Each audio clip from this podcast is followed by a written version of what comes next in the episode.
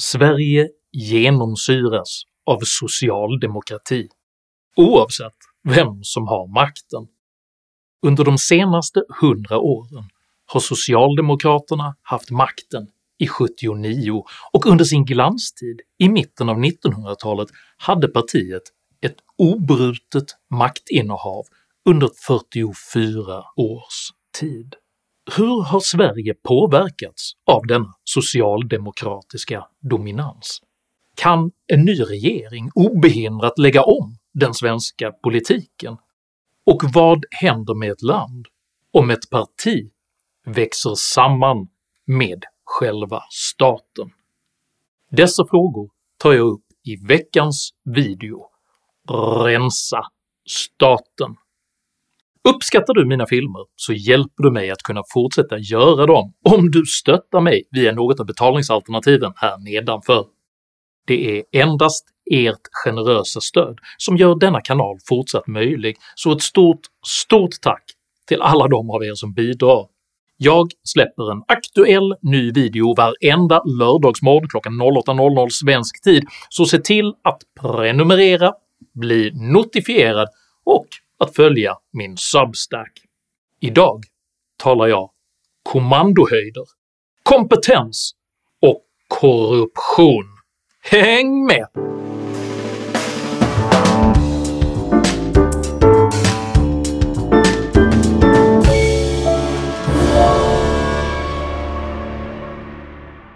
Begreppet nepotism kommer från latinets ord nepos, vilket betyder brorson. Detta är en referens till hur korrupta påvar under högmedeltiden tenderade att utnämna sina oäkta söner till kardinaler för att undvika skandal. Institutionaliserad nepotism har dock långtgående negativa konsekvenser för samhället eftersom nepotism står i direkt konflikt med meritokrati, där kompetens prioriteras före ideologiskt och genetiskt släktskap. Men förekommer det verkligen nepotism i dagens Sverige? Och påverkar denna i så fall statens samlade kompetens?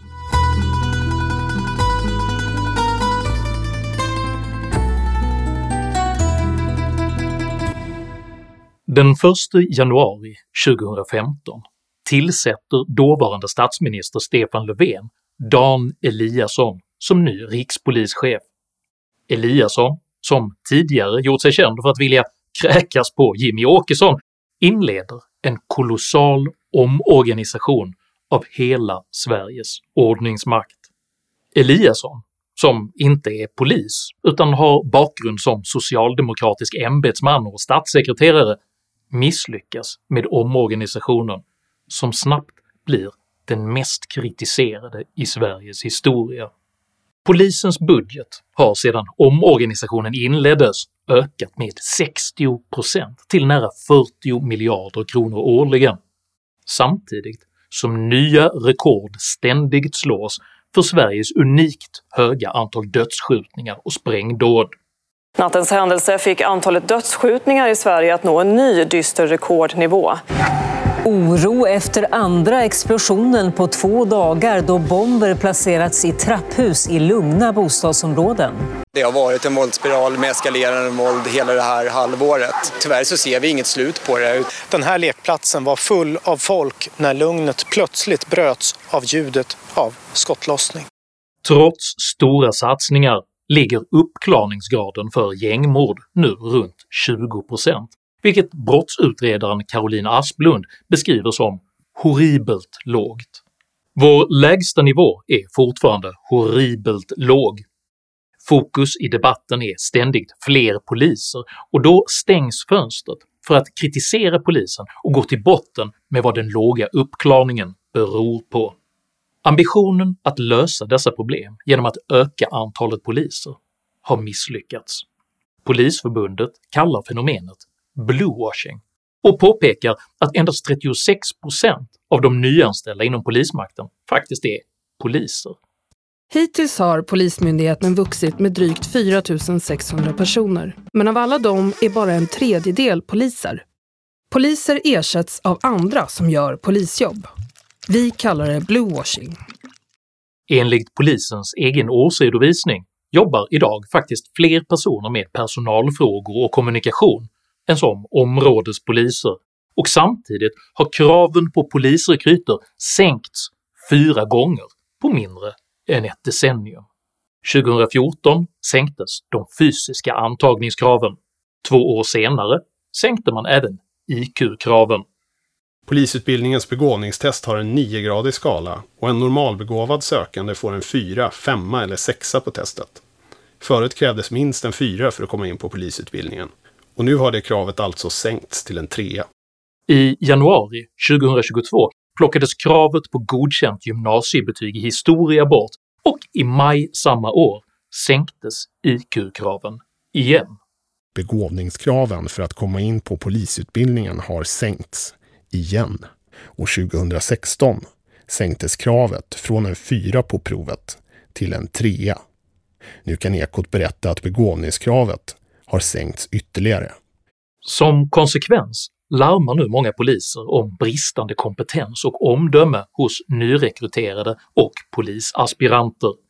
En student som körde på en, en fotgängare utanför polisutbildningens lokaler och sen istället för att liksom göra rätt för sig och, och eh, hur, kolla hur det gick så fick fotgängaren sig en utskällning och sen åkte studenterna ifrån.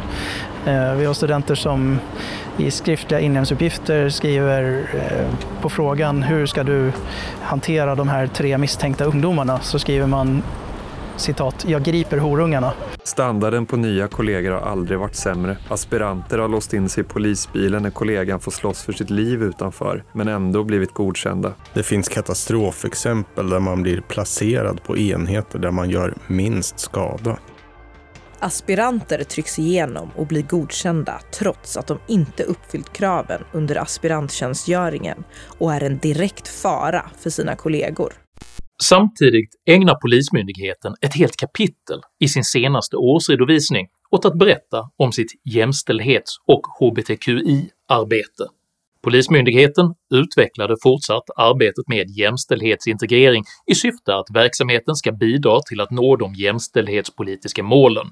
Inriktningen lyfter fram tre prioriteringar. Arbetet med särskilt utsatta brottsoffer utvecklingen av jämställdhet i Polismyndighetens medborgarlöften och kompetenshöjande insatser kopplade till utbildning och reflektion inom området jämställdhet. Regeringsuppdraget att vara en hbtqi-strategisk myndighet med syftet att verka för hbtqi-personers lika rättigheter och möjligheter resulterade bland annat i kunskapshöjande insatser inom bemötandefrågor Även insatser som syftar till att belysa livsvillkoren för hbtqi-personer genomfördes. Ett exempel på detta är Polismyndighetens interaktiva och ambulerande utställning “Rätten att vara jag”. På denna linje lanserar rikspolischef Dan Eliasson år 2016 den nu bespottade armbandskampanjen “Tafsa inte” vilken sägs representera polismaktens ställningstagande mot sexuella ofredanden. Samtidigt larmar allt fler om att Polismyndigheten prioriterar kommunikation över brottsbekämpning. Istället för att lägga kraften på brottsbekämpning producerar man styrdokument, handlingsplaner, strategier och abstrakta ordmassor som ingen begriper. Minsta detalj ska tröskas genom en jätteapparat, till slut badar alla chefer i dokument och tiden äts upp av oändliga möten. Som en direkt spegling av detta gör Socialdemokraterna 2018 ett mycket, mycket stort nummer av Malmöpolisens dialogprojekt “Sluta skjut”.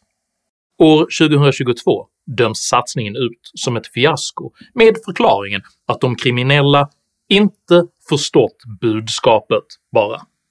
Det är naturligtvis inget fel i sig att eftersträva ett inkluderande yrkesutövande, men i en situation med fallande uppklarningsprocent och stigande antal dödsskjutningar vore det sannolikt behjälpligt om Polismyndigheten prioriterade brottsbekämpning i högre grad än jämställdhetsprojekt och kommunikationskampanjer.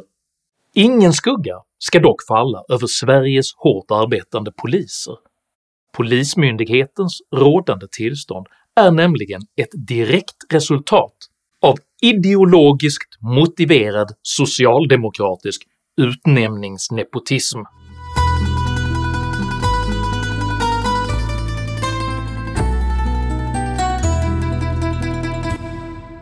Även Tullverket befinner sig sedan slutet av augusti i år i en akut förtroendekris, detta efter att samtliga 23 gruppchefer inom kontrollavdelningen i södra Sverige riktat mycket, mycket skarp kritik mot generaltulldirektör Charlotte Svensson. Generaltulldirektörens ledarskap skiljer sig diametralt från den ledarskapsstil som alla vi tulltjänstemän fostrats i. Generaltulldirektören Charlotte Svensson tillsattes av Stefan Löfven år 2018 utan öppen process eller motivering. Som bakgrund har Svensson en lång rad uppdrag för socialdemokratiska ministrar inom statsapparaten, bland annat har hon varit statssekreterare för både Magdalena Andersson, Morgan Johansson och Anders Ygeman. Kritiken mot Svenssons ledarskapsstil fortsätter. Detaljstyrningen gör att alla medarbetare är livrädda för att begå minsta misstag och därmed låser de sig själva vid arbete ute på linjen. Ingen skugga ska dock falla över Sveriges hårt arbetande tulltjänstemän. Tullverkets rådande tillstånd är nämligen ett direkt resultat av ideologiskt motiverad socialdemokratisk utnämningsnepotism. Och dessa exempel är bara toppen på isberget.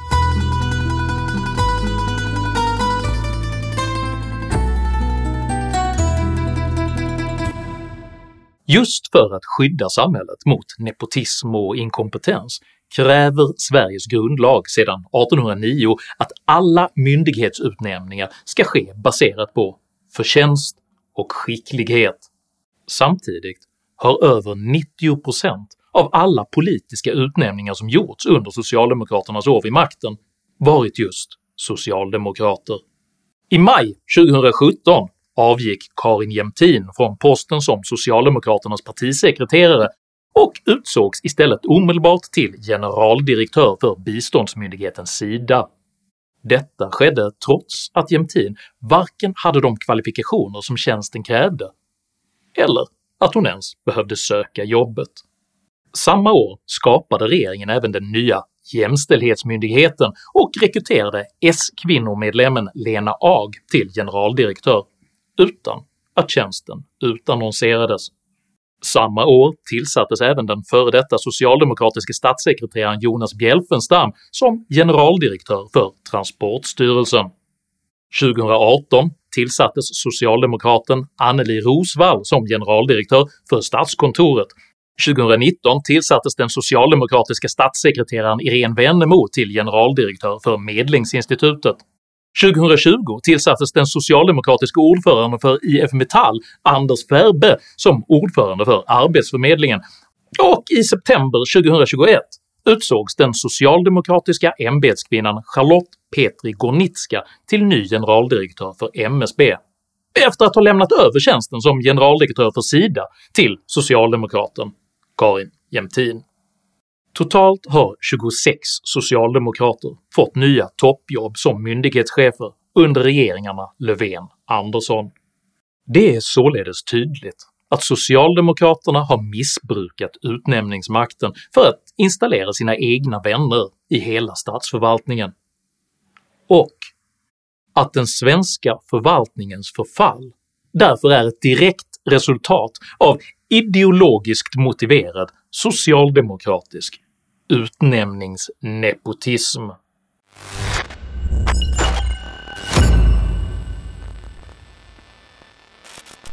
Det socialdemokratiska maktinnehavet har dock inte bara inneburit ett nepotistiskt övertagande av existerande myndigheter utan även att man upprättat flera helt nya myndigheter som reproducerar socialdemokratins verklighetsbild. Ett exempel på detta är den helt nyinrättade myndigheten Institutet för mänskliga rättigheter, vars egentliga uppdrag är högst oklart eftersom människorättsliga överträdelser redan sorterar under justitieombudsmannen. Institutets uppdrag beskrivs med orden Institutets uppgifter enligt lagen är att följa, undersöka och rapportera om hur de mänskliga rättigheterna respekteras och förverkligas i Sverige. Detta ska institutet göra genom att lämna förslag till regeringen om de åtgärder som behövs för att säkerställa de mänskliga rättigheterna. I ljuset av att Sveriges vänster inte sällan skildrar högerpartiernas åsikter som människorättsvidriga kan denna myndighet mycket sannolikt användas för skattefinansierat oppositionsarbete. Ett liknande exempel är myndigheten Delegationen mot segregation, Delmos, som inrättades 2018 och som utifrån en socioekonomisk segregationsanalys delar ut skattepengar till integrationsbefrämjande projekt. Under 2020 uppdagades att Delmos hade beviljat terrorhyllande verksamheter i Rosengård i Malmö 903 625 kronor i bidrag, men myndigheten har under socialdemokratisk försorg ändå tredubblat bidragsutbetalningarna till utanförskapsväljare från 80 miljoner kronor år 2020 till 244 miljoner kronor år 2021. Under justitiedepartementet ligger även Delegationen för migrationsstudier, Delmi, som leds av före detta statsminister Olof Palmes son Joakim Palme.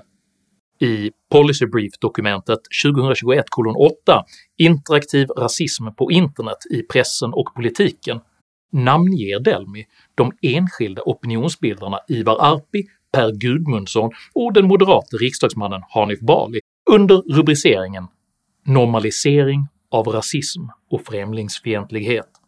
Dokumentet framhåller även Svenska Dagbladets och Göteborgs-Postens ledarsidor som delaktiga i detta normaliseringsarbete och avslutar med en appell för hårdare styrning av vilket innehåll som bör få delas i sociala medier.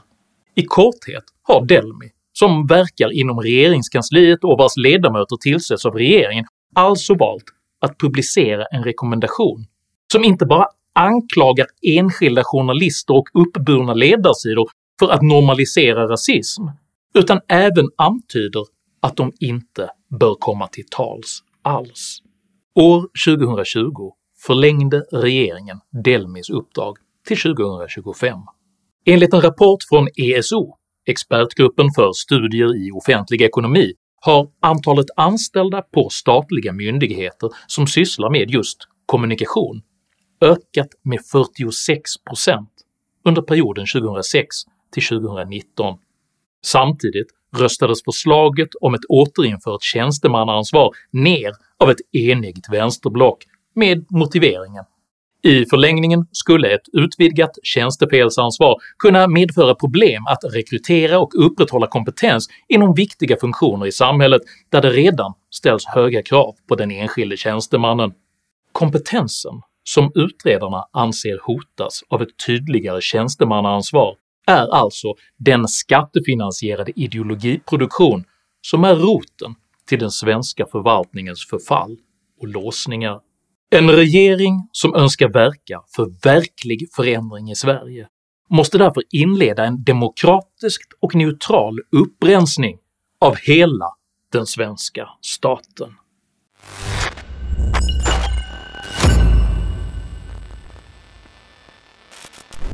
Det myndighetsutövande som präglas av politiserad ideologi kan liknas vid ett propagandavapen riktat mot den svenska folksjälen.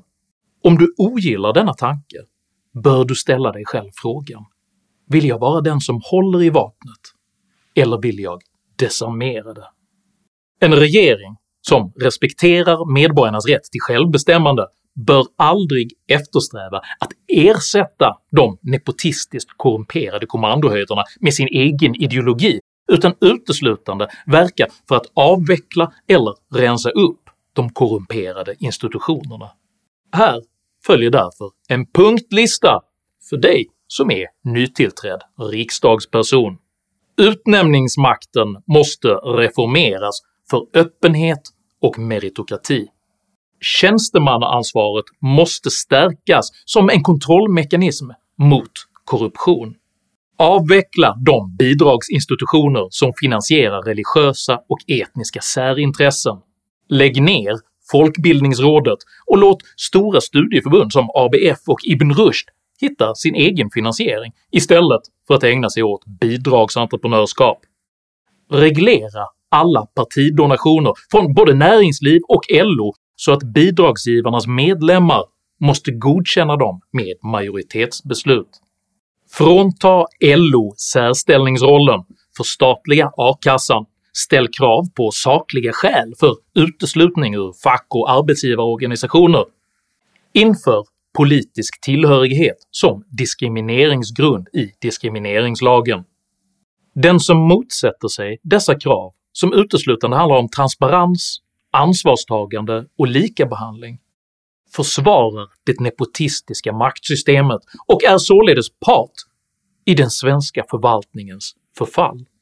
För problemet var aldrig att högmedeltidens påvar försökte se om sina oäkta söner, utan att deras politiska klåfingrighet ytterst lät dem slita sönder hela den katolska kyrkan.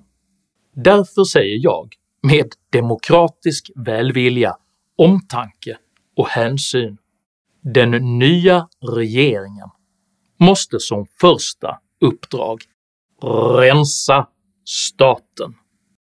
Om du uppskattade innehållet i denna video så hjälper det mycket om du delar den med dina vänner och kanske till och med stöttar mitt arbete via någon av betalningssätten här nedanför.